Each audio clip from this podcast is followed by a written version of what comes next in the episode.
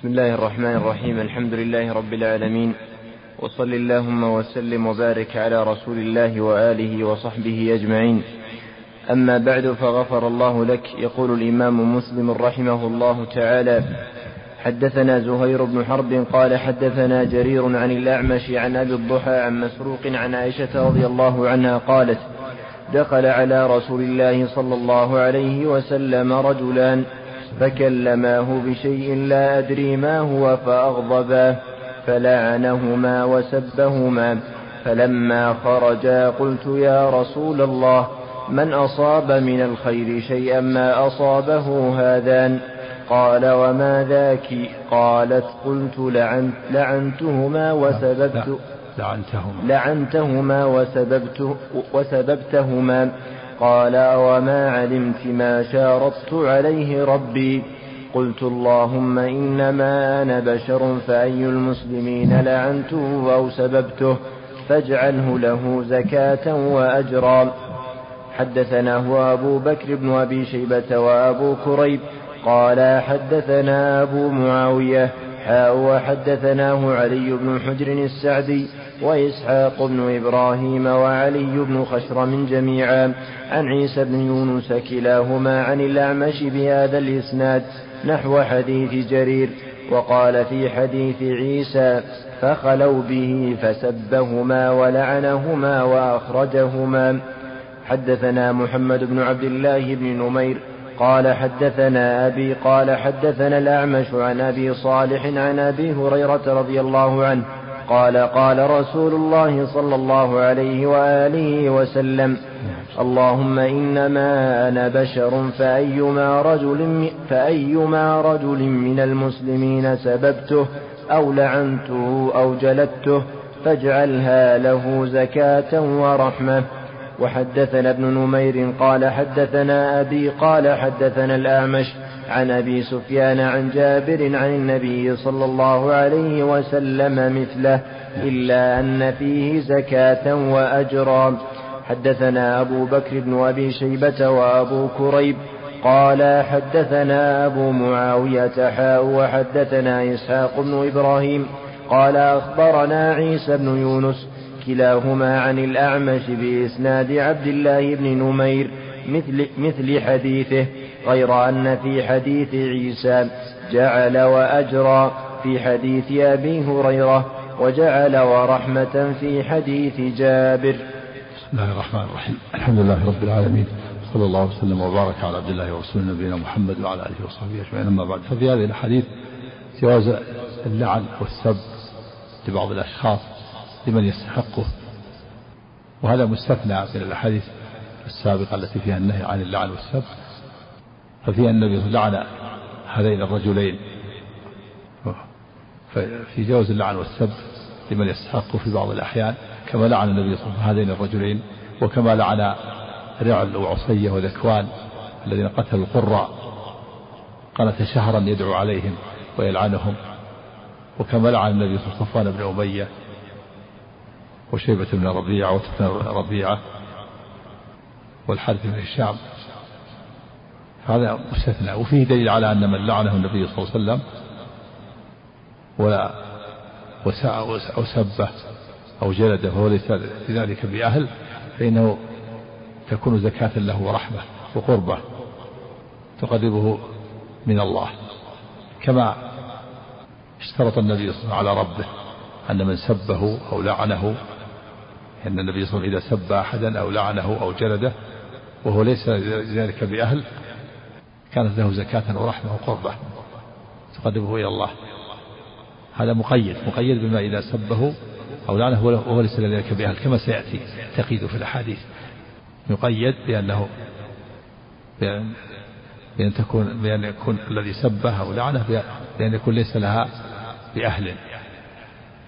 فإنها تكون زكاة ورحمة وهذا من فضل الله تعالى وإحسانه. وفيه شفقة النبي صلى الله عليه وسلم على أمته حيث أنه اشترط على ربه قال إنما أنا بشر. وأغضب كما يغضب البشر. فاشترط على ربه أنه إذا سب أحدا أو لعنه أو جلده وهو ليس بأهل أن يجعلها الله ذلك زكاة ورحمة وقربة. كما سيأتي هذا القيد في حديث أم سليم وغيره. نعم أنه لابد أن يكون ليس لها بأهل. أما إذا لعنه وسبه وهو أهل لها فلا فلا يكون له هذا الفضل. كما لعن النبي السارق والزاني وشارب الخمر قال لعن الله السارق يسرق البيضة فتقطع يده. لعن الله آكل الربا وموكله وكاتبه وشاهديه وإن كان هذا لعن على العموم لكن هؤلاء مستحقون للعن. هؤلاء مستحقون للعن. ثم أيضا هذا لعن على العموم. نعم. أحسن الله عليك حدثنا قتيبة بن سعيد قال حدثنا المغيرة يعني ابن عبد الرحمن الحزامي عن أبي الزناد عن الأعرج عن أبي هريرة رضي الله عنه أن النبي صلى الله عليه وسلم قال اللهم إني أتخذ عندك عهدا لن تخلفني فإنما أنا بشر فأي المؤمنين آذيته شتمته لعنته جلدته فاجعلها له صلاة وزكاة وقربة تقربها بها إليك يوم القيامة. نعم. حدثنا والصلاة من الله ثناؤه على عبده في الملأ الأعلى. النبي قال إنما أنا بشر. فأيما رجل سببته أو لعنته أو جلدته فجعلها صلاة وزكاة ورحمة وقربة. ثناء عليه يعني. وزكاة طهارة له من المعاصي وقربة تقربه إلى الله. نعم. أحسن الله عليك. حدثناه ابن أبي عمر قال حدثنا سفيان قال حدثنا أبو الزناد بهذا الإسناد نحوه إلا أنه قال أو, أو, أو جل جلده. قال أبو الزناد. أو جلده. أو جلده. قال أبو الزناد وهي لغة أبي هريرة. وإنما هي جلدته نعم أبو هريرة قال أو جلدته جعل الداء مشددة أو جلدته لأن أبا هريرة هو من قبيلة الدوس. أبدل التاء الثانية دالا. فأدغمت في جلدته أصله جلدته. فأبدل التاء الثانية دالا فأدغمت الدال الأولى فصار جلدته والأصل جلدته. حذف التاء وجعلها دال. اجتمع دالين شددت جلده هذه لغة أبي هريرة. والدوس جلده جلده بدل جلدته. نعم. أحسن الله عليك. حدثني سليمان بن معبد قال حدثنا سليمان بن حرب قال حدثنا حماد بن زيد عن أيوب عن عبد الرحمن الأعرج عن أبي هريرة رضي الله عنه عن النبي صلى الله عليه وسلم بنحوه. حدثنا قتيبة بن سعيد قال حدثنا ليث عن سعيد بن أبي سعيد عن سالم مولى النصريين قال سمعت أبا هريرة رضي الله عنه يقول سمعت رسول الله صلى الله عليه وسلم يقول اللهم إنما محمد بشر يغضب كما يغضب البشر وإني قد اتخذت عندك عهدا لن تخلفني فأيما مؤمن آذيته أو سببته أو جلدته فاجعلها له كفارة وقربة تقربها ب تقربها بها إليك يوم القيامة. فاجعلها فاجعلها فاجعلها كفارة. فاجعلها له كفارة وقربة تقربها بها إليك يوم القيامة. تقربه فاجعلها. فاجعلها له فاجعلها له كفارة وقربة تقربه بها إليك يوم القيامة. يعني هذا هذا الدعاء عليه وهذا اللعن وهذا السب وهذا الجلد اجعلها يا الله قربة تقربه بها إليك. يكون مكانه ثناء عليه وطهارة له وتكثير لسيئاته وقربة تقربه بها إلى الله. هذا إذا هذا مقيد بما إذا كان لعنه أو جلده وهو ليس لها بأهل غير مستحق لها. أما إذا كان مستحق للجلد كما إذا جلد كما جلد شارب الخمر فلا تكون. وإن كان الخمر وإن كان الحدود كفارات حدود كفارة. لكن جلده بحق. لكن الحدود الحدود كلها كفارة. إذا قيم الحد على على شخص فهي كفارة الله قطع يد السارق جلد الزاني جلد القاذف هذه كفارة الحدود كفارات. لكن إذا جلد شخصا وهو لا يستحق صارت له ثناء وزكاة وقربة تقربه إلى الله إذا جلده بغير حق وهو ليس مستحقا لذلك أو أو سبه أو لعنه. نعم. هذا شرط اشترطه على ربه وعهد اتخذه عند ربه عز وجل. نعم. يعني قد يجوز له قد يكون يعني يظن أنه مستحق يظن أنه مستحق وهو ليس مستحق. لأنه بشر.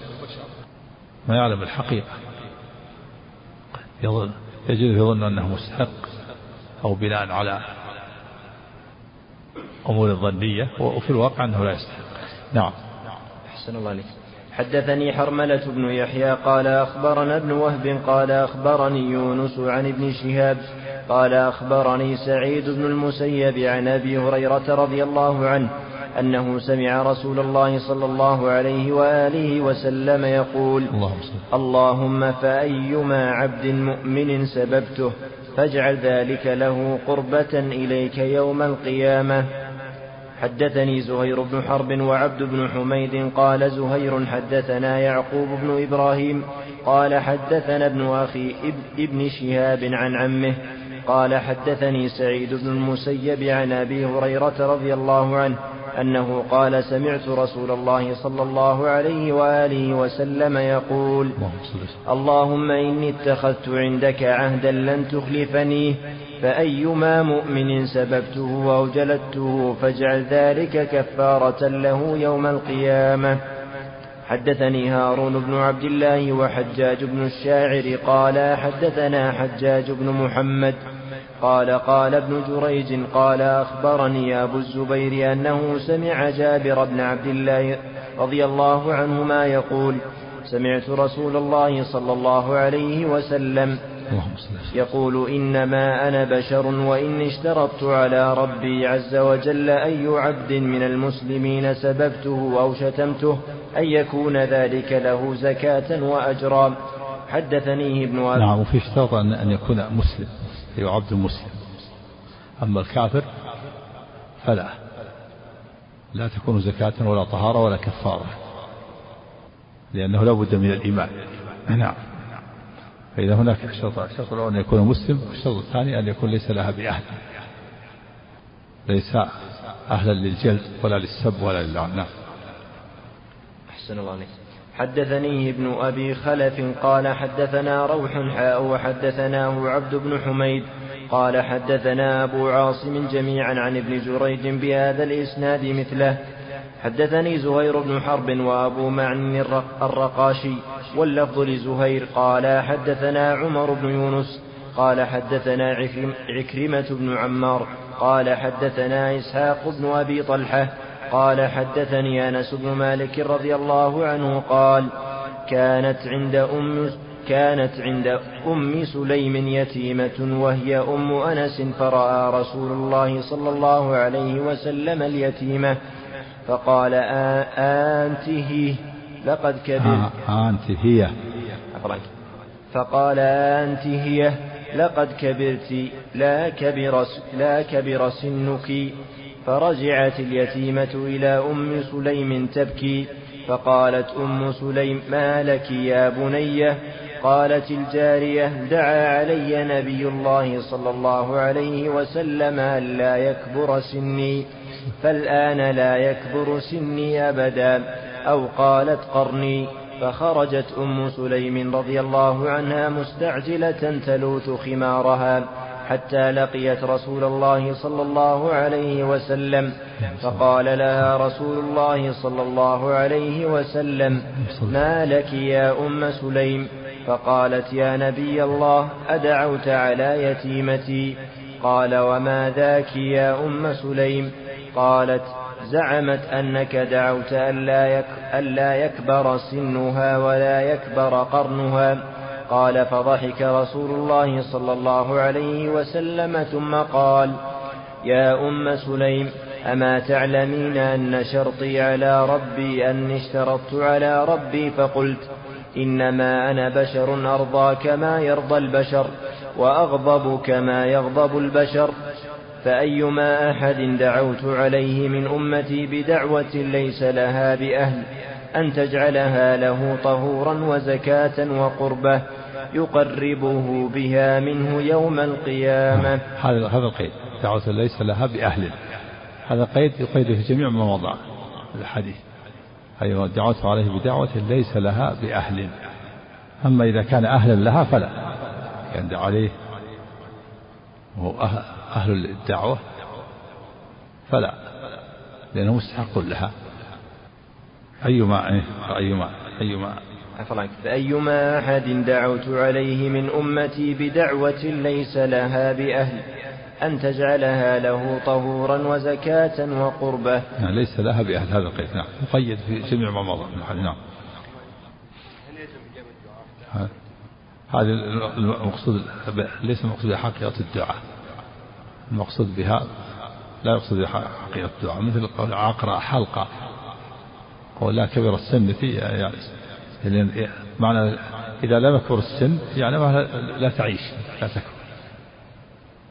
واللفظ الثاني قال لا كبر قرنك يعني القرن المساوي لها. وإذا لم يكبر القرن لم تكبر هي هي. لكن لا يلزم من هذا. إشكال النووي عليه؟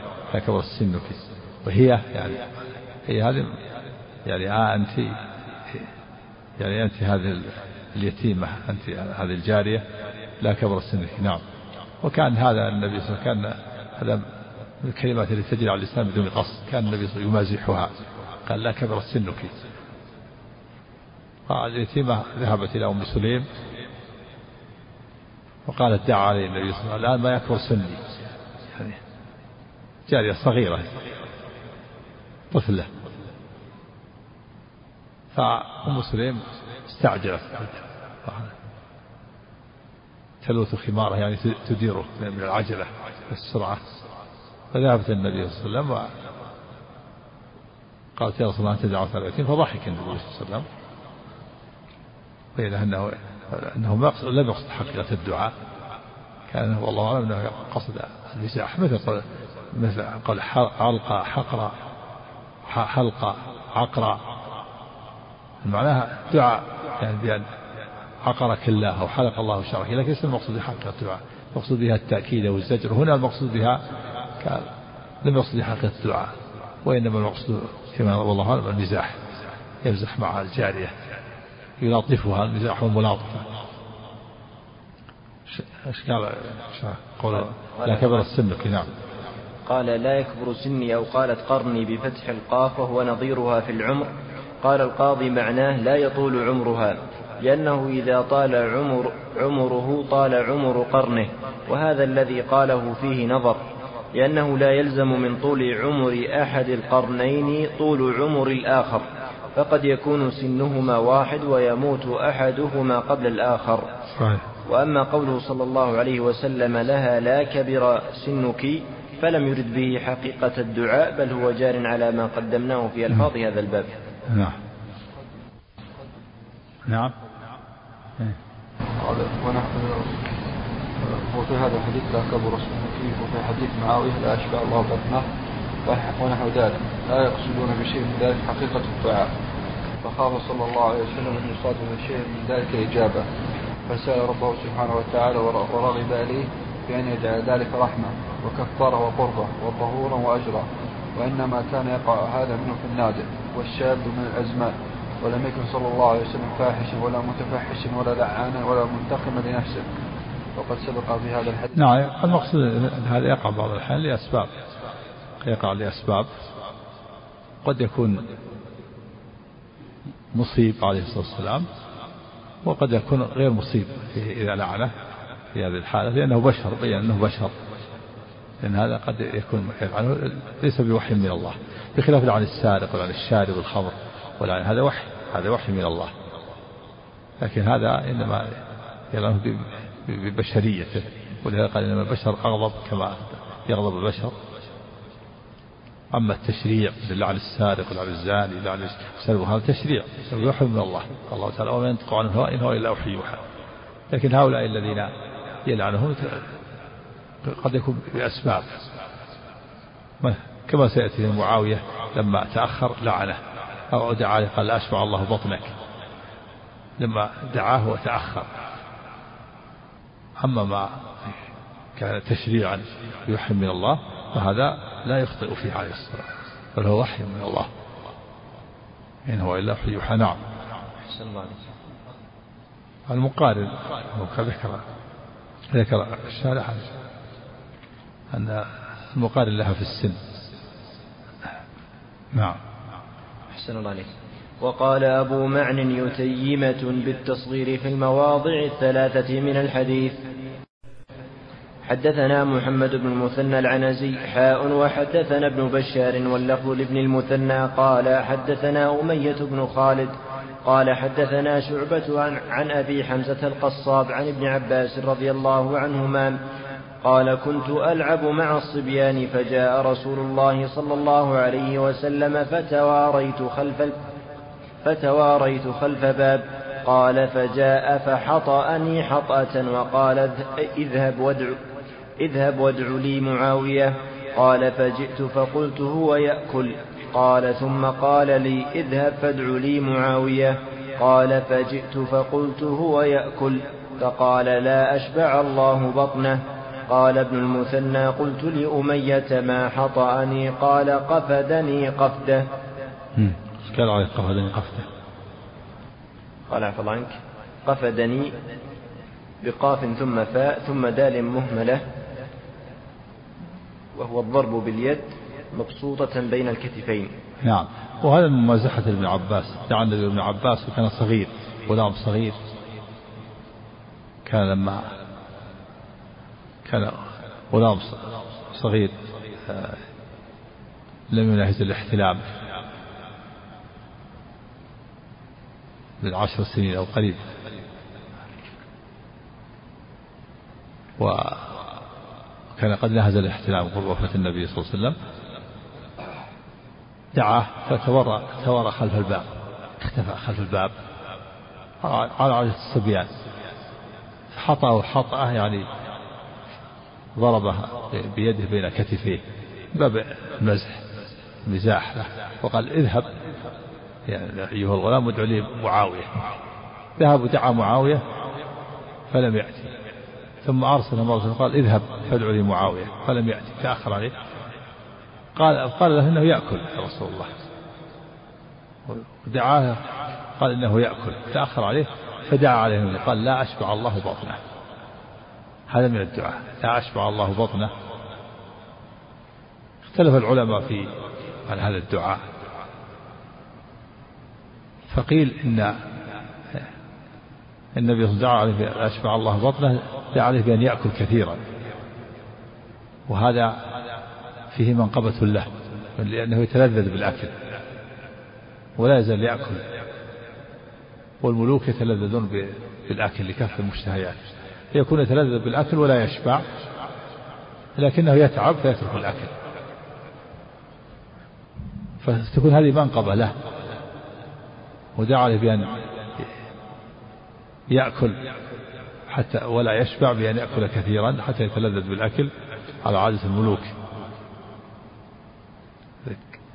بكثرة الأكل بكثرة المشتهيات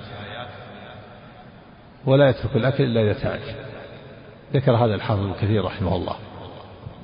والقول الثاني أنه أنه دعا عليه وليس أهلا لذلك. فتكون له زكاة ورحمة وقربة. وهذا هو الذي فهمها الإمام مسلم رحمه الله فإنه ذكر في هذا الحديث. فهم الإمام مسلم أن الذي دعا عليه هو ليس ليس أهلا بذلك فتكون له زكاة ورحمة وكفارة وقربة تقربه إلى الله. ولهذا أدخل الإمام مسلم هذا الدعوة في, في هذا الحديث في في هذا الباب. وقيل إن هذه إن النبي صلى الله عليه وسلم لم يقصد حلقة الدعاء وإنما جرت على لسانه بغير قصد كقوله عقرى حلقة. هذه ثلاثة أقوال. نعم. أحسن الله عليك. حدثني إسحاق بن منصور قال أخبرنا النضر بن شميل قال حدثنا شعبة قال أخبرنا أبو حمزة قال سمعت ابن عباس رضي الله عنهما يقول كنت ألعب مع الصبيان فجاء رسول الله صلى الله عليه وسلم فاختبأت منه فذكر بمثله. نعم صبي يلعب مع الصبيان مازحة ضرب بين كتفيه وقال ادعوا لي معاوية نعم. أحسن الله عليك. حدثنا يحيى بن يحيى قال قرأت على مالك عن أبي الزناد عن الأعرج عن أبي هريرة رضي الله عنه أن, أن, أن رسول الله صلى الله عليه وسلم قال إن من شر الناس ذا الوجهين الذي يأتي هؤلاء بوجه وهؤلاء بوجه. حدثنا قتيبة بن سعيد قال حدثنا ليث حاء وحدثنا محمد بن رمح قال أخبرنا الليث عن يزيد بن أبي حبيب عن عراك بن مالك عن أبي هريرة رضي الله عنه أنه سمع رسول الله صلى الله عليه وسلم يقول إن شر الناس إن شر الناس ذو الوجهين الذي الذي يأتي هؤلاء بوجه وهؤلاء بوجه. نعم وهذا فيه تحذير من هذا العمل يكون الإنسان ذا وجه ذا وجهين. هذا وهذا من النفاق يأتي هؤلاء بوجه وهؤلاء بوجه. فأتي يأتي لهؤلاء ويتكلم معهم بما يناسبهم ثم يأتي الآخر ويتكلم معهم بما يناسبهم. مثل ما يفعل بعض الناس. يأتي إذا أتى مع أهل الخير والدعاة والأمر بالمعروف والنهي عن المنكر يكون معهم ويحث على الخير ويقول هذا عمل صالح ينبغي الإنسان أن يكون من الدعاة ومن الأمر بالمعروف والنهي عن المنكر. ينبغي أن نقوم ونحتسب.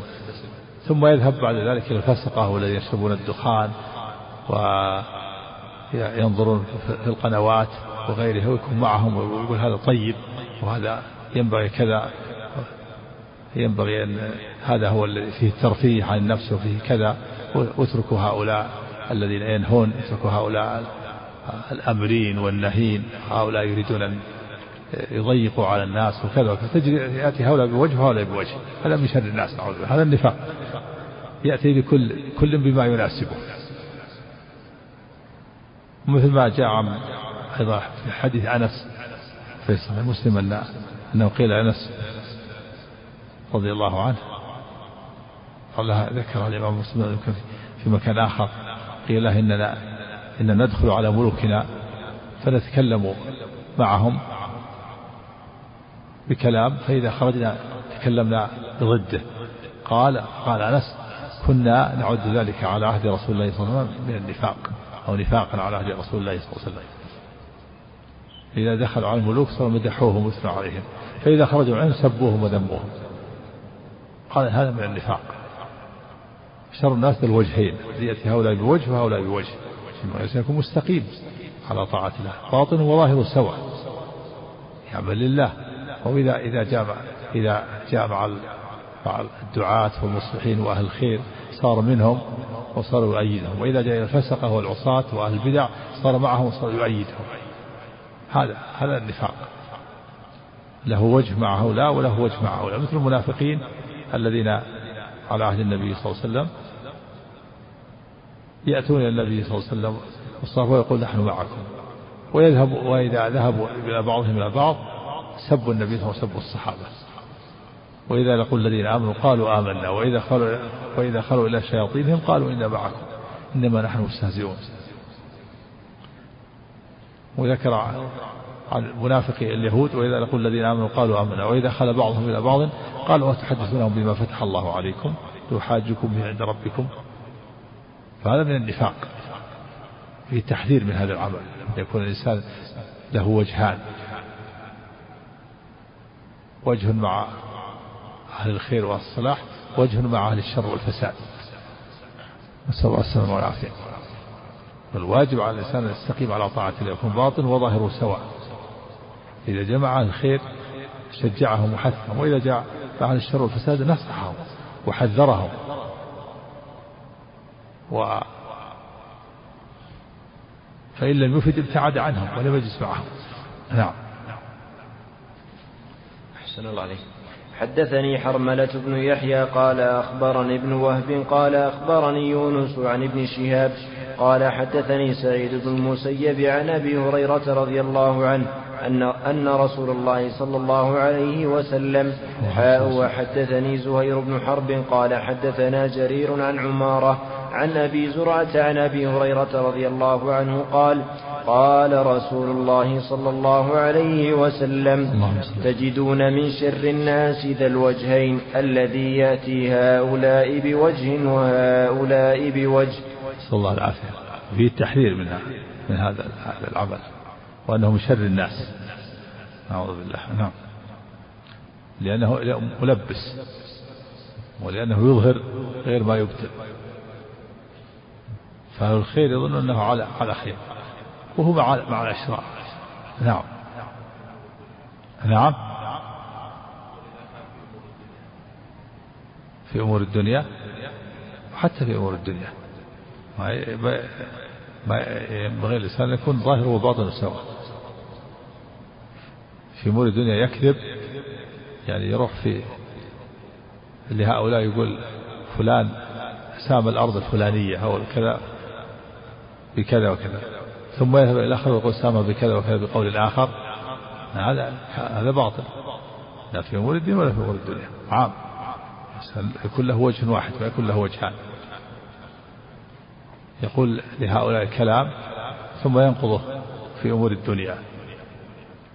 يأتي لهؤلاء يقول فلان اشترى بيت وكذا واشترى كذا.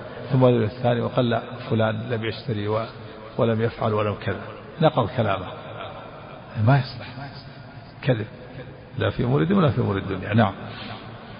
أحسن الله عليك حدثني حرملة بن يحيى قال أخبرنا ابن وهب قال أخبرني يونس عن ابن شهاب. الله تعالى يقول يا أيها الذين آمنوا اتقوا الله وكونوا مع الصادقين. يصدق الإنسان. يجب عليه الصدق. في أقواله نعم. أحسن الله عليك حدثني حرملة بن يحيى قال أخبرنا ابن وهب قال أخبرني يونس عن ابن شهاب. قال أخبرني حميد بن عبد الرحمن بن عوف أن أمه أم كلثوم بنت عقبة بن أبي معيط وكانت من المهاجرات الأول اللاتي بايعن النبي صلى الله عليه وسلم. أخبرته أنها سمعت رسول الله صلى الله عليه وسلم وهو يقول ليس الكذاب الذي يصلح بين الناس ويقول خيرا وينمي خيرا. قال ابن شهاب ولم أسمع يرخص في شيء مما يقول الناس كذب إلا في ثلاث الحرب والإصلاح بين الناس وحديث الرجل امرأته وحديث المرأة زوجها. نعم. ليس الكذاب الذي ينمي خيرا ويقول خيرا لأن هذا محسن. الذي الكذاب الذي يصلح بين الناس هذا محسن. ومع المحسن من سبيل. ولكن الكذاب الذي الذي يسيء. أما الكذاب الذي يصلح بين الناس فهذا هذا محسن. الذي يقول خيرا وينمي خيرا. في حديث أم كلثوم بنت بن معيط النبي صلى الله عليه وسلم لم يرخص إلا في الكذب إلا في ثلاث. الإصلاح بين الناس وحديث الرجل مع امراته وحديث المرأة مع زوجها. اختلف العلماء في معنى ذلك. فقيل المراد على ظاهره وأنه, وأنه يجوز الكذب في هذه الثلاثة. وقال آخرون ليس لا المراد من ذلك أن التورية. لا يجوز الكذب الصريح ولكن يجعل تورية وهي أن يقول كلاما يفهم منه السامع شيئا وهو يريد شيئا آخر. فيصلح بين الناس. يأتي مثلا للمتنازعين والمتخاصمين ويأتي لأحدهما ويقول فلان ندم على ما حصل منك ويريد أن يقابلك ويريد أن يعتذر. ثم يذهب الآخر ويقول له مثل ذلك. فلان ندم على ما فعل من الخصومة التي بينك وبينه وهو يريد أن يقابلك ويستسمحك. وما ما ما قال أحد هذا لا هذا ولا هذا. يريد أن يؤلف بين القلوب ويجمع بينهم هذا محسن. هذا الإصلاح بين الناس. ليس المتخاصمين والمتنازعين وبينهم خصومة ونزاع ثم يقول فلان يريد أن يأتي إليك ويستسمح منك ونادم على ما فعل ثم يأتي الثاني ويقول له مثل ذلك ثم يجمعهما. فيزول منه هذا إصلاح بين الناس. قال الله تعالى لا خير في كثير, في كثير من نجواهم. إلا من أمر بصدقة أو معروف أو إصلاح بين الناس. ومن يفعل ذلك ابتغاء مرضات الله فسوف نؤتيه أجرا عظيما. وقال آخرون ينبغي له أن يوري يجعل تورية يأتي بكلام محتمل يفهم من المخاطب شيء وهو يريد شيء آخر حتى لا يكون كذب صريح. والثاني حديث الرجل مع امرأته يقول لزوجته مثلا سوف أشتري كذا وأشتري ذهب وأشتري كذا سوف نسكن بيتا أحسن من هذا. حتى يريد أن يسترضيها ولا ولا يفعل هذا ولا يريد هذا لا يريد يشتري ذهب ولا كذا. لكن حتى تصلح الحال بينه وبينه. يعني في حديث الرجل مع في شيء ليس فيه ضرر لأحد وليس فيه تنقص لأحد ولا إبطال لحق أحد فيما يخص بينه وبينها يقول سوف أشتري لك كذا وكذا في المستقبل وأشتري لك ثياب صفة كذا وأشتري لك ذهب كذا وكذا. سوف نسكن إن شاء الله مستقبل بيت أحسن من هذا. حتى تصلح الحال بينه وبينه وكذلك حديث المرأة مع زوجها. تقول سوف أطيعك في المستقبل ولا أعصيك وكذا وكذا. وهي حتى تريد أن تسترضيه. فلا حرج في هذا. لأن هذا ليس فيه إبطال لحق أحد وليس فيه مضرة على أحد. وإنما خاص فيما بين الزوجين حتى تصلح الحال بينهم كما أن الإصلاح بين الناس كذلك. ليس فيه فيه لابد أن يكون ليس فيه إبطال للحق ولا فيه تحقيق لباطل وإنما هو يصلح بين المتنازعين والمتخاصمين بدون أن يحصل ضرر على أحد وبدون إبطال لحق ولا إحقاق لباطل نعم.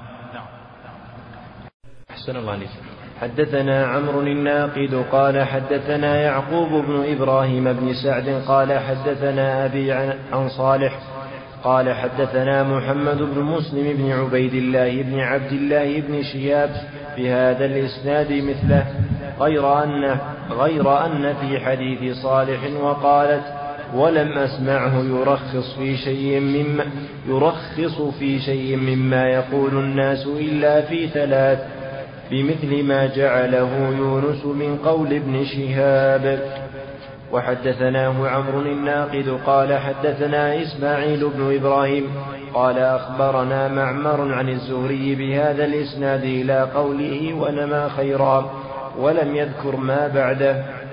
حدثنا محمد بن المثنى وابن بشار قال حدثنا محمد بن جعفر قال حدثنا شعبة قال سمعت أبا إسحاق يحدث عن أبي الأحوص عن عبد الله بن مسعود رضي الله عنه قال إن محمدا صلى الله عليه وآله وسلم قال ألا أنبئكم ما هي ما هي النميمة القالة بين الناس وإن محمدا صلى الله عليه وسلم قال إن الرجل إن الرجل يصدق حتى يكتب صديقا ويكذب حتى يكتب كذابا.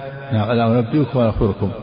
ما العظ في ضبطها وجهان الوجه الأول ضبط أهل الحديث و وأهل غريب الحديث وكتب غريب الحديث ضبطوها العظ بفتح العين وإسكان الضاد وضم الهاء بل عضه على وزن الوجه. والعض معناها القطع. وذلك لأن هي النمي وهي النميمة. هي النميمة القالة بين الناس. سميت النميمة بالعض القطع لما فيها من القطع من قطع الصلة بين الأرحام وبين المتودين والمتحابين. وذلك أنه ينقل كلام من شخص إلى شخص أو من قبيلة إلى قبيلة أو من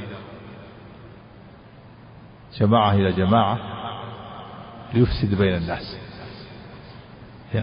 يقول فلان قال فيك كذا. ينقل كلام يقول فلان قال فيك كذا. فيفسد العلاقة بينهم وسواء قصد الإفساد أو لم يقصد فهو, فهو نميمة. وإذا قصد الإفساد يكون أشد. أنا أنبئكم ما العظم يعني ما بالأمر الغليظ التحريم. والضبط الثاني العظة ضبط أهل اللغة. كسر العين وفتح الضاد على وزن الزنا والعدة أنا أنبئكم بالعظ فسرها في الحديث هي النميمة. قال بين الناس؟ هي النميمة. وقال بين الناس؟ ينقل كلام بين الناس. يفسد العلاقة بينهم حتى تفسد العلاقة سواء قصد أو لا يقصد وإذا قصد يكون أشد. ألا أنبئكم ما العظه يعني ألا أنبئكم ما بالأمر العظيم الغليظ فحش تحريم. هي النميمة قال بين الناس. وهي من كبائر الذنوب النميمة. في الحديث لا يدخل الجنة قد تأتي لما متوعد يعني دخول الجنة. يدل على أنها من الكبائر. ونقل الكلام من شخص إلى شخص. يفسد العلاقة بين الأخ وأخيه أو بين الابن وأبيه أو بين الزوجة وزوجها أو بين الجار وجاره أو بين القريب وقريبه أو بين القرية والقرية أو بين القبيلة والقبيلة أو بين الدولة والدولة. هذه النميمة. نقل الكلام شخص إلى شخص. فيفسد العلاقة بين المتودين وبين المتحابين ويقطع الأرحام سواء قصد أو لا يقصد والعرض والقطع الشيء الفاحش الغليظ التحريم. نعم. أحسن الله عليك لا إذا نقل كلام من شخص حصل الإفساد. وكيف يكون اللغو والإفساد يحصل؟ إذا جاء, جاء شخص وقال لك فلان يسبك ويشتمك. ماذا تقول؟ ماذا تعمل ويقول أنا ما قصدت الإفساد يحصل شيء ولا ما يحصل شيء؟ ها هذا لغو ذا؟ هو لغو نعم. أحسن الله عليك. حدثنا زهير بن حرب وعثمان بن أبي شيبة وإسحاق بن إبراهيم. قال إسحاق وأخبرنا وقال الآخران حدثنا جرير عن منصور عن أبي وائل عن عبد الله رضي الله عنه. قال قال رسول الله صلى الله عليه وآله وسلم. إن الصدق يهدي إلى البر وإن البر يهدي إلى الجنة. وإن الرجل ليصدق حتى يكتب صديقا وإن الكذب يهدي إلى الفجور وإن الفجور يهدي إلى النار وإن الرجل لا يكذب حتى يكتب كذابا.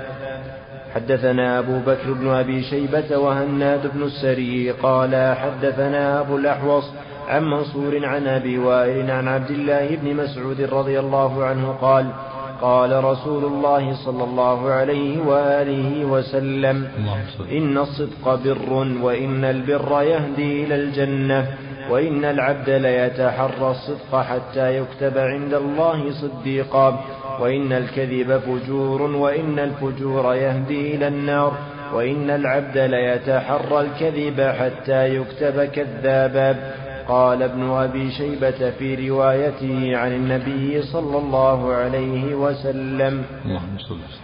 حدثنا محمد بن عبد الله بن نمير قال حدثنا أبو معاوية ووكيع قال حدثنا الأعمش حاء وحدثني أبو كريب قال حدثنا أبو معاوية قال حدثنا الأعمش عن شقيق عن عبد الله رضي الله عنه قال قال رسول الله صلى الله عليه وسلم عليكم بالصدق فإن الصدق يهدي إلى البر وإن البر يهدي إلى الجنة وما يزال الرجل يصدق ويتحرى الصدق حتى يكتب عند الله صديقا. وإياكم والكذب فإن الكذب يهدي إلى الفجور وإن الفجور يهدي إلى النار. وما يزال الرجل يكذب ويتحرى الكذب حتى يكتب عند الله كذابا. نعم هذا الحديث أوفى الأحاديث في ألفاظ البر في, في والصدق والكذب والفجور. عليكم بالصدق فإن الصدق يهدي إلى البر وإن البر يهدي إلى الجنة. ولا يزال الرجل يصدق ويتحرى الصدق حتى يكتب عند الله صديقا. وإياكم الكذب فإن الكذب يهدي إلى الفجور وإن الفجور يهدي إلى النار. ولا يزال الرجل يكذب حتى يكتب عند الله كذابا هذا أوفى الألفاظ. أوفى ألفاظ الأحاديث. هذا الحديث الأخير هو أوفى الألفاظ في في البر والصدق والكذب والفجور. ولهذا نقله الحافظ في البلوغ نقل هذا الحديث. أوفى أوفى الألفاظ. وفيه الحث على البر والصدق على الصدق والتحذير من الكذب. والصدق يكون في الأقوال ويكون في الأفعال. قال الله تعالى يا أيها الذين آمنوا اتقوا الله وكونوا مع الصادقين. قال سبحانه في وصف المؤمن والصادقين والصادقات. ثم قال في آخر الآية أعد الله لهم مغفرة وأجرا عظيما. قال تعالى قال الله هذا يوم ينفع الصادقين صدقهم.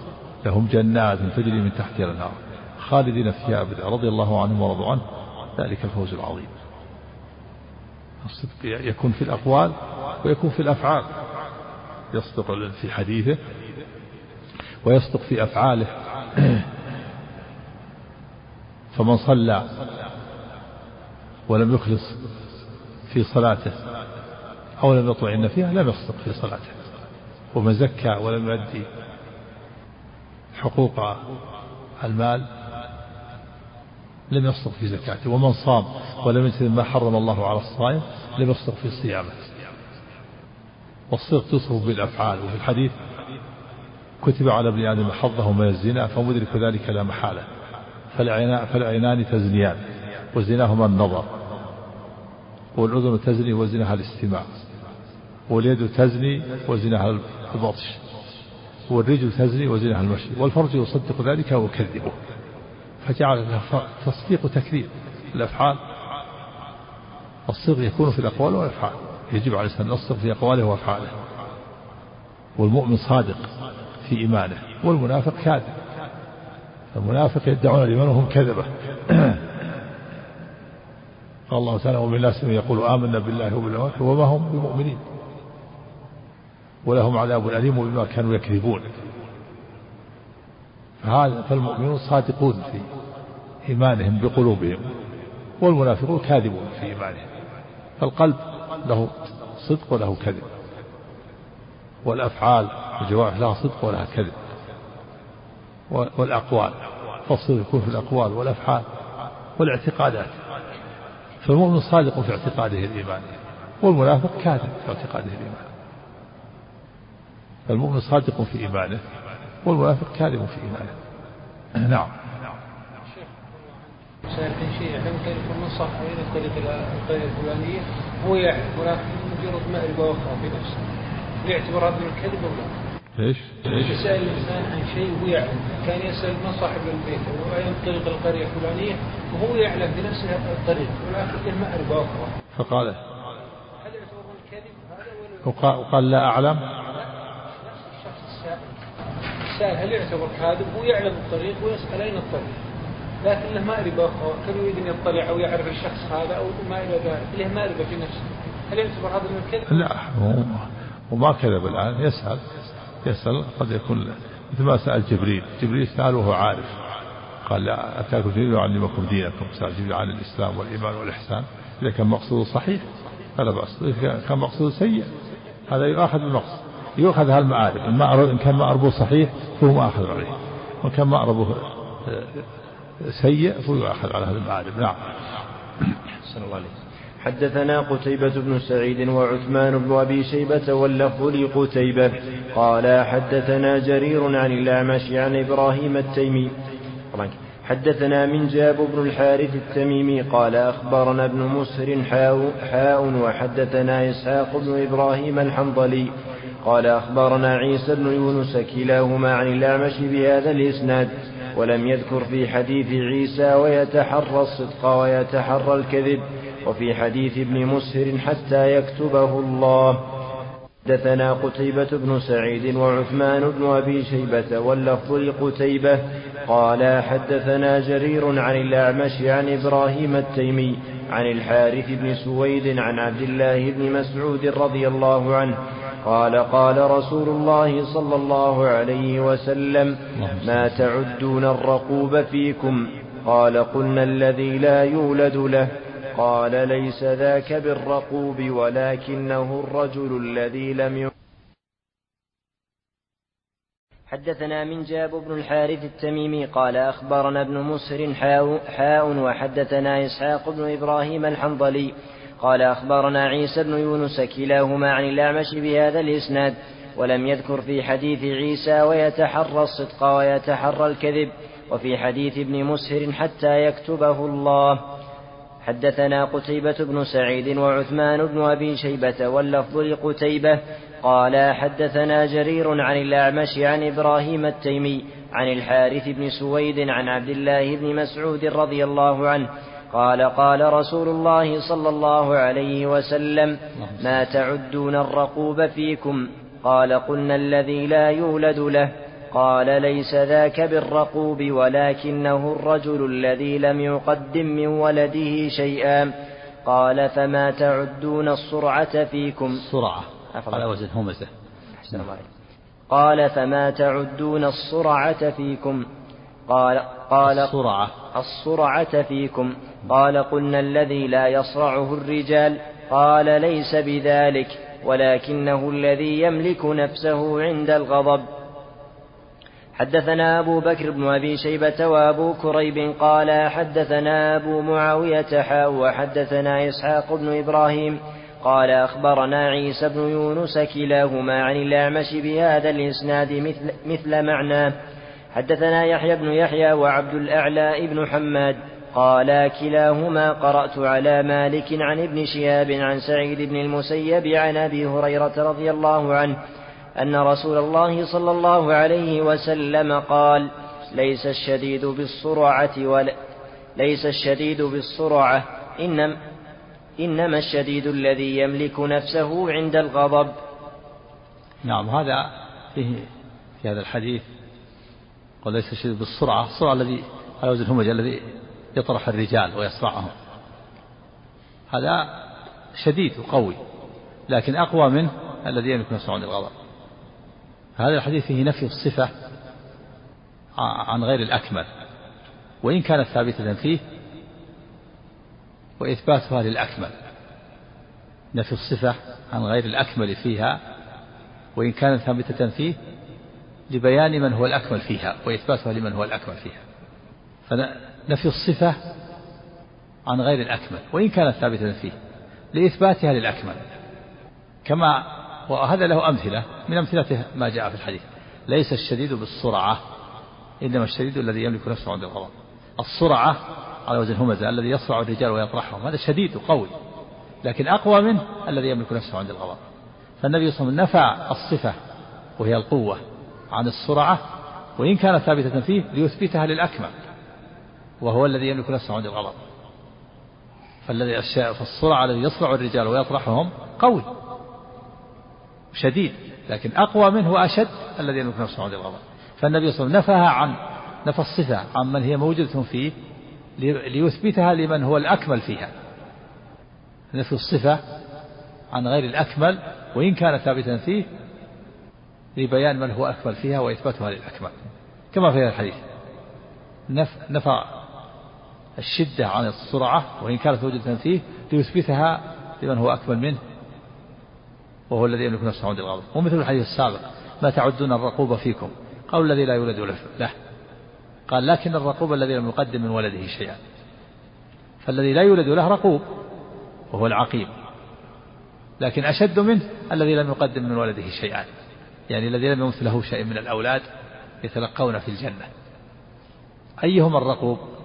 مسكين العقيم الذي لا له مسكين. هذا رقوب مسكين. ليس عنده أولاد. هذا رقوب. لكن أشد منه الذي لم يقدم من ولده شيئا في الآخرة. لم يمت له شيء من الأولاد. فالذي لا يولد له رقوب لكن أشد منه الذي لم يولد له. ومثله الحديث ليس المسكين بالطواف الذي ترده اللقمة واللقمتان والأكلة والأكلتان ولكن المسكين الذي لا يجد غنى يغنيه ولا يقوم فيسأل الناس ولا يفطر له فيتصدق عليه. فالذي يأتي إلى الناس ويمد يده يعطيه اللقمة هذا يعطيه لقمة هذا مسكين. مسكين ما عنده شيء. ولهذا يطوف الأبواب يعطي هذا لقمة وهذا يعطيه أكلة هذا يعطيه ريال هذا يعطيه كذا لأنه فقير. لكن أشد منه أشد منه الذي يستحي لا يسأل الناس. والناس لا يعرفون حاله لأنه يظهر على الناس بمظهر الغني. هو يستحي لا يقوم فيسأل الناس. ولا يفطر له فيتصدق عليه ولا يقوم فيسأل الناس. قد يموت في بيته وهو لا يعلم عنه. هذا أشد. أما الذي يروح يشحذ الناس هذا يعطيه لقمة هذا يعطيه ريال يحصل ما يجد يحصل. هذا يقوم ويسأل الناس هذا يعطيه ريال هذا يعطيه لقمة هذا يعطيه أكلة حصل ما يكفيه لكن أشد منه الفقير الذي يستحي فلا يقوم يسأل الناس. ولا يفطر له فيتصدق عليه لأن مظهره مظهر ليس مظهر الفقراء. فهو لا لا يقوم فيسأل الناس ولا يفطر له فيتصدق عليه وليس عنده شيء. قد يموت في بيته وهو لا يعلم عنه هذا أشد فالنبي صلى الله عليه وسلم نفى المسكنة. عمن هي ثابتة فيه ليثبتها للأكمل. فالمسكين الذي يطوف على الناس مسكين. لكن أكمل منه أشد الذي يبقى في بيته ولا يسأل الناس لأنه يستحي ولا يفطن الناس له وليس عنده شيء. ومثل الحديث إنما الربا في النسيئة. يعني الربا الأعظم. والأشد في النسيئة. ولكن الربا التفاضل بين الجنسين ربا. تفاضل ريال بريالين. هذا ربا لكن أشد منه التأجيل. لأن الربا ربا الفضل وسيلة وربا النسيئة غاية. فالنبي صلى الله عليه وسلم نفى الربا نفى الربا عن الأخف ليثبتها للأشد. نفى الربا عن التفاضل بين الجنسين. هذا ربا لكنه لكن أشد منه الربا في النسيئة. فنفى النبي عن الصفة نفى النبي عن الصفة الشيء نفى النبي صلى الله عليه وسلم عن عن الشيء وإن كانت الصفة موجودة فيه ليثبتها للأكبر فنفى الربا عن التفاضل بين الجنسين ليثبتها للربا الأشد وهو النسيئة. إنما الربا في النسيئة. نعم. شيخ عفوا الله عنك أيهما أفضل المسكين الأول أو المسكين الآخر؟ هل تعتبر منقبة نعم أشد الثاني أشد اللي يقول اللي يروح ينبغي الإنسان يبحث عن الفقير الذي في بيته واللي ما يسأل الناس ولا يستحي. يعني ينبغي ينبغي تطلبه والبحث عنه. أما اللي المسكين اللي يقوم الناس لا بأس. هذا يعطى ويعطى ما دام مستحق. لكن ذاك أشد حاجة. نعم. نعم كل في شك. لكن الثاني أشد. نعم.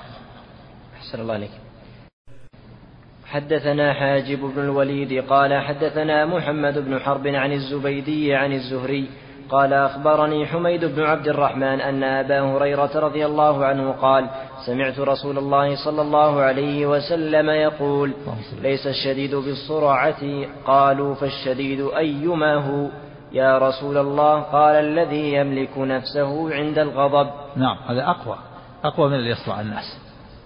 هذاك يصفع الناس وهذا يصفع نفسه. الأمارة بالسوء يقوى نفسه. أشد هذا. نعم. أحسن الله عليك وحدثناه محمد بن رافع وعبد بن حميد جميعا عن عبد الرزاق قال أخبرنا معمر حاء وحدثنا عبد الله بن عبد الرحمن بن بهرام قال أخبرنا أبو اليمان قال أخبرنا شعيب كلاهما عن الزهري عن حميد بن عبد الرحمن بن عوف عن أبي هريرة عن النبي صلى الله عليه وسلم بمثله. حدثنا يحيى بن يحيى ومحمد بن العلاء قال يحيى أخبرنا وقال ابن العلاء حدثنا أبو معاوية عن الأعمش عن عدي بن ثابت عن سليمان بن صرد رضي الله عنه قال استب رجلان عند النبي صلى الله عليه وسلم. فجعل أحدهما تحمر عيناه وتنتفخ أوداجه. قال رسول الله صلى الله عليه وآله وسلم إني لا أعرف كلمة لو قالها لذهب عنه الذي يجد. أعوذ بالله من الشيطان الرجيم. فقال الرجل وهل ترى بي من جنون؟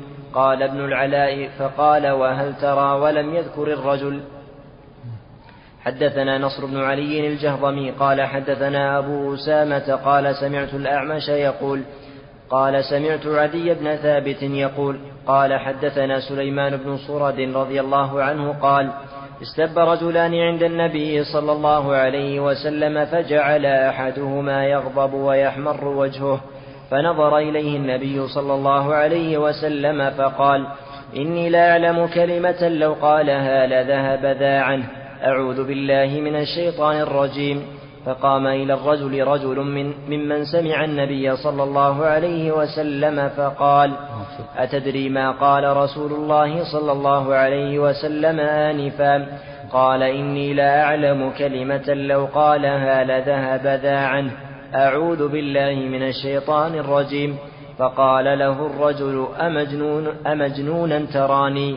وحدثنا أبو بكر أبو بكر بن أبي شيبة قال حدثنا حفص بن غياث عن الأعمش بهذا الإسناد. وهذا يدل على أن هذا الرجل لا يزال في غضبه. سب رجلان عند النبي صلى الله عليه وسلم فغضب أحدهما وانتفخت أوداجه واحمر وجهه فقال النبي صلى الله عليه وسلم إني لا أعلم كلمة لو قالها. لذهب عنه ما لو قال أعوذ بالله من الشيطان الرجيم. فقيل للرجل الغضبان إن, الرسول صلى الله عليه وسلم يقول قل أعوذ بالله من الشيطان الرجيم. فقال أنا مجنون. أنا مجنون تراني أنا. هذا يدل على لا يزال في غضبه. لا يزال في غضبه. ما زال عنه غضب. ولهذا ما ما فهم هذه الكلمة. وقال ما قال أعوذ بالله من الشيطان الرجيم. استمر في غضبه. وقال ما أنا لست بمجنون حتى أقولها يعني هذا يدل على أنه لا يزال في غضبه وأن الغضب مسيطر عليه ومسلط عليه. ولا يدل على أنه منافق وأنه من جفاة العرب كما يقول الأعراء كما يقول النووي هذا محتمل. قد قد لا يكون منافق ما يلزم هذا لكن تملكه الغضب وسيطر عليه الغضب اشتد عليه الغضب ولهذا ما قال هذه الكلمة.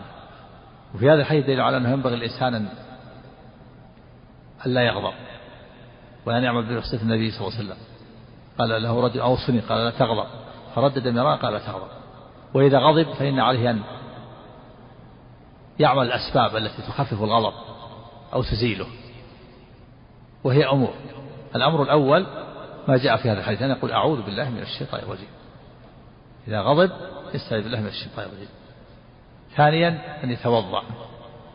جاء في سنة أبي داود أنه يشرع له أن يتوضأ وذلك لأن الغضب من الشيطان والشيطان خلق من النار والنار تطفئها الماء يستحب الإنسان يتوضأ. توضأ وصلى ركعتين. ثالثا أن يغير حاله التي كان عليها. إما أن يخرج من البيت إذا كان في البيت غضب مع زوجته ومع أولاده. أو في الم... إذا كان في, مكتب في المكتب يخرج من المكتب إلى مكتب آخر. وإذا كان قائما فليقعد وإذا كان قاعدا فليضطجع. يغير حالة. وإذا فعل هذه الأمور الثلاثة فإن الغضب يخف ويزول. هذا الرجل الذي قيل له قل إن الرسول يقول أعوذ بالله من الشيطان الرجيم. ما عمل شيء. لا يزال الغضب مسيطر عليه. ولهذا قال أمجنون تراني؟ يقول أنا مجنون حتى أقول هذه الكلمة. لأن الغضب مسيطر عليه. لو قالها خف الغضب. نعم. أحسن الله عليك.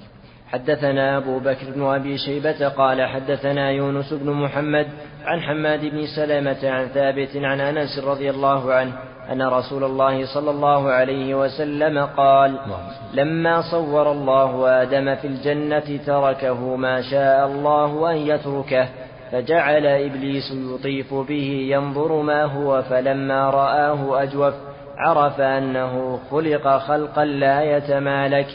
حدثنا أبو بكر بن نافع قال حدثنا بهز قال حدثنا حماد بهذا الإسناد نحوه. أجوف يعني له جوف. أو داخله خالد. طبعا خلقا لا يتمالك. قيل المعنى لا يغضب أو لا يملك نفسه عند الغضب أو لا يملك نفسه من الشهوات أو لا يملك نفسه من الوساوس. نعم. أحسن الله حدثنا عبد الله بن مسلمة بن قعنب قال حدثنا المغيرة يعني الحزامي عن أبي الزناد يعني الأعرج عن أبي هريرة رضي الله عنه قال قال رسول الله صلى الله عليه وآله وسلم إذا قاتل أحدكم أخاه فليجتنب الوجه. حدثناه عمرو الناقد وزهير بن حرب قال حدثنا سفيان بن عيينة عن أبي الزناد بهذا الإسناد وقال إذا ضرب أحدكم. حدثنا شيبان بن فروخ قال حدثنا أبو عوانة عن سهيل عن أبيه عن أبي هريرة رضي الله عنه عن النبي صلى الله عليه وآله وسلم قال إذا قاتل أحدكم أخاه فليتق الوجه. حدثنا عبيد الله بن معاذ العنبري قال حدثنا أبي قال حدثنا شعبة عن قتادة أنه سمع أبا أيوب يحدث عن أبي هريرة رضي الله عنه قال قال رسول الله صلى الله عليه وسلم إذا قاتل أحدكم أخاه فلا يلطمن الوجه. حدثنا نصر بن علي الجهضمي قال حدثنا أبي قال حدثنا المثنى حاء وحدثني محمد بن حاتم, بن حاتم قال حدثنا عبد الرحمن بن ابن مهدي عن المثنى بن سعيد عن قتادة عن أبي أيوب عن أبي هريرة رضي الله عنه قال قال رسول الله صلى الله عليه وسلم وفي حديث ابن حاتم عن النبي صلى الله عليه وسلم قال إذا قاتل أحدكم أخاه فليجتنب الوجه فإن الله خلق آدم على صورته. حدثنا محمد بن المثنى قال حدثني عبد الصمد قال حدثنا همام قال حدثنا قتادة عن يحيى بن مالك المراغي. المراغي. وهو أبو أيوب عن أبي هريرة رضي الله عنه أن رسول الله صلى الله عليه وسلم قال إذا قاتل أحدكم أخاه فليجتنب الوجه. نعم. انتهى الحديث. حدثنا أبو بكر بن أبي شيبة قال حدثنا حفص بن غياث عن هشام بن عروة عن أبيه عن هشام بن حكيم بن حزام قال مر بالشام على أناس. وهذه الأحاديث فيها فيها النهي عن ضرب الوجه ولطب الوجه والنهي للتحريم وسواء كان من الآدميين أو من الحيوانات. وكذلك أيضا جاءت النصوص بالنهي عن الضرب في الرأس كما جاءت الأحاديث بالنهي عن وسم الدابة في وجهها. وذلك لأن الوجه لطيف ومجمع المحاسن ومحل الإدراكات. فالضرب يؤثر فيه. وقد يؤدي إلى إبطال بعض الإدراكات من السمع والبصر والشم والذوق. فلهذا نهي عن الضرب في الوجه من الآدميين والحيوان وكذلك الضرب في الرأس من الآدميين والحيوان وإنما يكون الضرب في في مراق اللحم في الفخذ في الظهر في العضد. أما أن يضرب الوجه والرأس فلا الوجه حساس لطيف مجمع المحاسن مجمع الإدراكات. وفي تحريم اللطف في الوجه في الحديث تحريم اللطف في الوجه والرأس. وفي هذه الحديث إذا قاتل أحدكم أخاه فليجتنب الوجه. وفي الوقت فليتقي الوجه. دل هذا على تحريم الضرب في الوجه للآدميين والحيوانات. كما أنه يحرم الضرب في الرأس أيضا للآدميين والحيوانات كما جاءت الأدلة بالنهي عن وسم الدابة في وجهها. سبق الحديث أن قال لعن من وسم في وجه الدابة هذا يدل على من الكبائر. ولم يكون الوسم في الظهر. لسم هناك حاجة. الوسم وهو أن يأتي بحديدة ويحميها في النار ثم يضعها على على الدابة يضع خط أو خطين أحدهما على الآخر أو دائرة حتى يعرف البهيمة أن هذه القبيلة الفلانية أو الشخص الفلاني. هذا وإن كان فيه تعذيب بالنار إلا أنه مستثنى شيء يسير للمصلحة لكن لا يكون في الرأس. يكون مثلا في الغنم في آذانها لا بأس. الأذان في العضد في الظهر.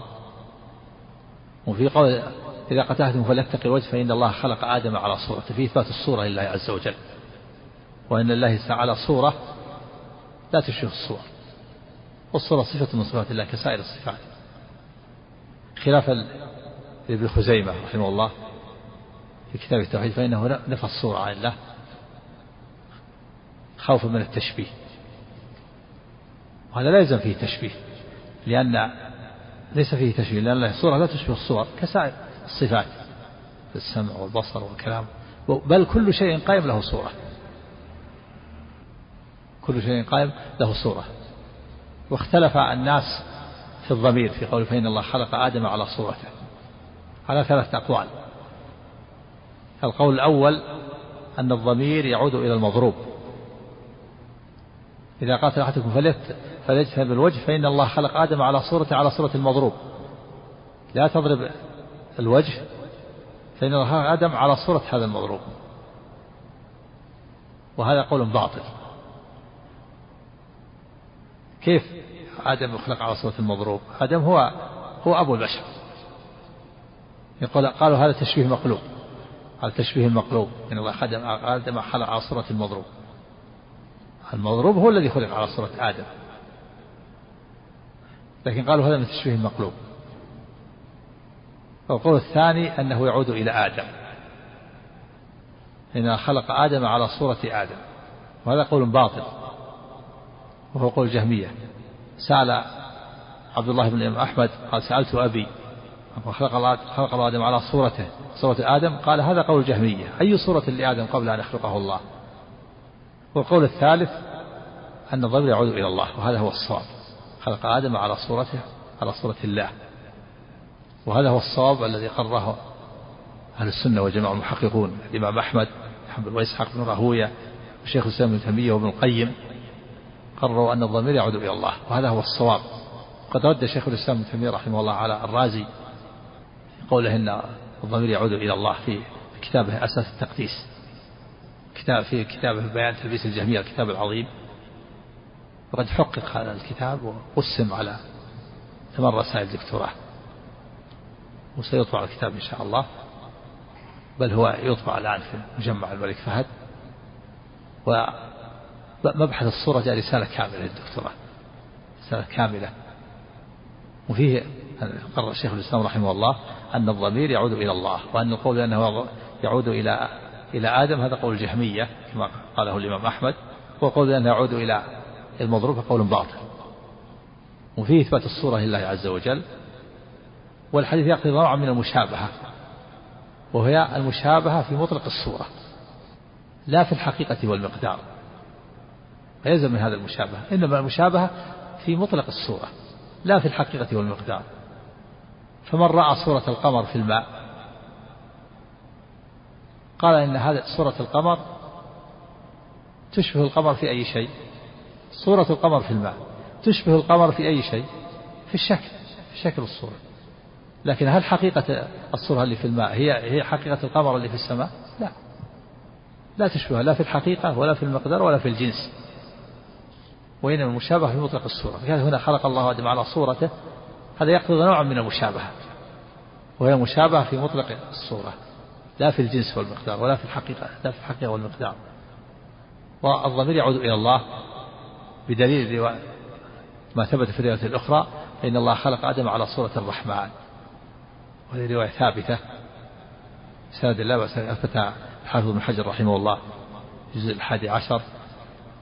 وقال مازري مازري مازري رد هذه الرواية. وقال إنها غير ثابتة وهذا بعض والصواب إنها ثابتة كما قال الحافظ بن حجر. والمازري ردها لأنه لأنه من المؤولين لأنه يريد أن يؤولها ما استساغها. فردها من أجل فهمه. من أجل فهم الفاسد من ردها من ردها من المحدثين لأنه لم يفهم معنى الحديث وظن أن فيه تشبيه. حتى ابن خزيمة رحمه الله وهو من من أهل السنة من أهل السنة غلط في هذا في كتاب التوحيد. ابن خزيمة وقال أيها الناس لا تغلطوا ولا تغالطوا. يعني لا ليس الضمير يعود إلى الله. ظن أن فيه فيه مشابهة. رد عليه شيخ الإسلام ابن تيمية رحمه الله في بيان تلبس الجهمية وهذا من أغلاطه. رد هذا من أغلاطه رحمه الله. وكل واحد يخطئ كل واحد يأخذ من قوله ويرد. ليس هناك محصوم معصوم إلا الرسول عليه الصلاة والسلام. معصوم عن الشرك. وعن الكبائر وعن الخطأ فيما يبلغ عن الله. ابن خزيمة مع جلالة قدره وإمامته غلط ونفى هذا. شوف كلام النووي على على هذا رحمه النووي والمازري كلهم غلطوا في هذا. نعم. قال عفى الله عنك. وأما قوله صلى الله عليه وآله وسلم فإن الله خلق آدم على صورته فهو من أحاديث الصفات. وقد سبق في كتاب الإيمان بيان وإذا كان من أحاديث الصفات فالصفات يجب إثباتها لله. يجب إثبات الصورة لله كما يقول مثل وهو السميع البصير. صفات تثبت السمع لله وتثبت البصر. فإن الله قد أحاط بكل شيء علما. نثبت العلم لله. خلق الله آدم على صورته. نشبه الصورة. نثبت الصورة لله لله صورة ليست كصور المخلوقين. كما أن له سمع وبصر. ولكن هذا يقتضي نوعا من المشابهة. وهي المشابهة في مطلق الصورة.